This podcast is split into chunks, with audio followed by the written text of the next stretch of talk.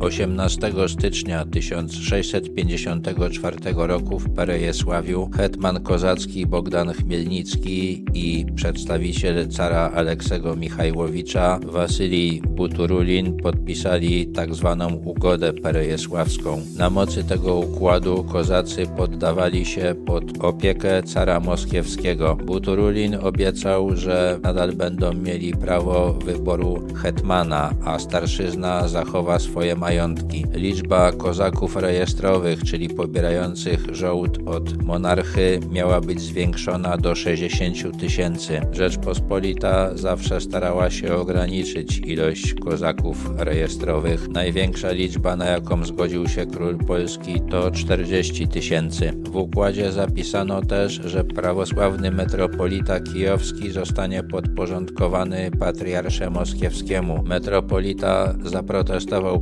przeciwko temu, ponieważ do tego czasu podlegał bezpośrednio patriarsze Konstantynopolu. Ostatecznie podporządkowanie metropolity Kijowa Moskwie nastąpiło w roku 1686.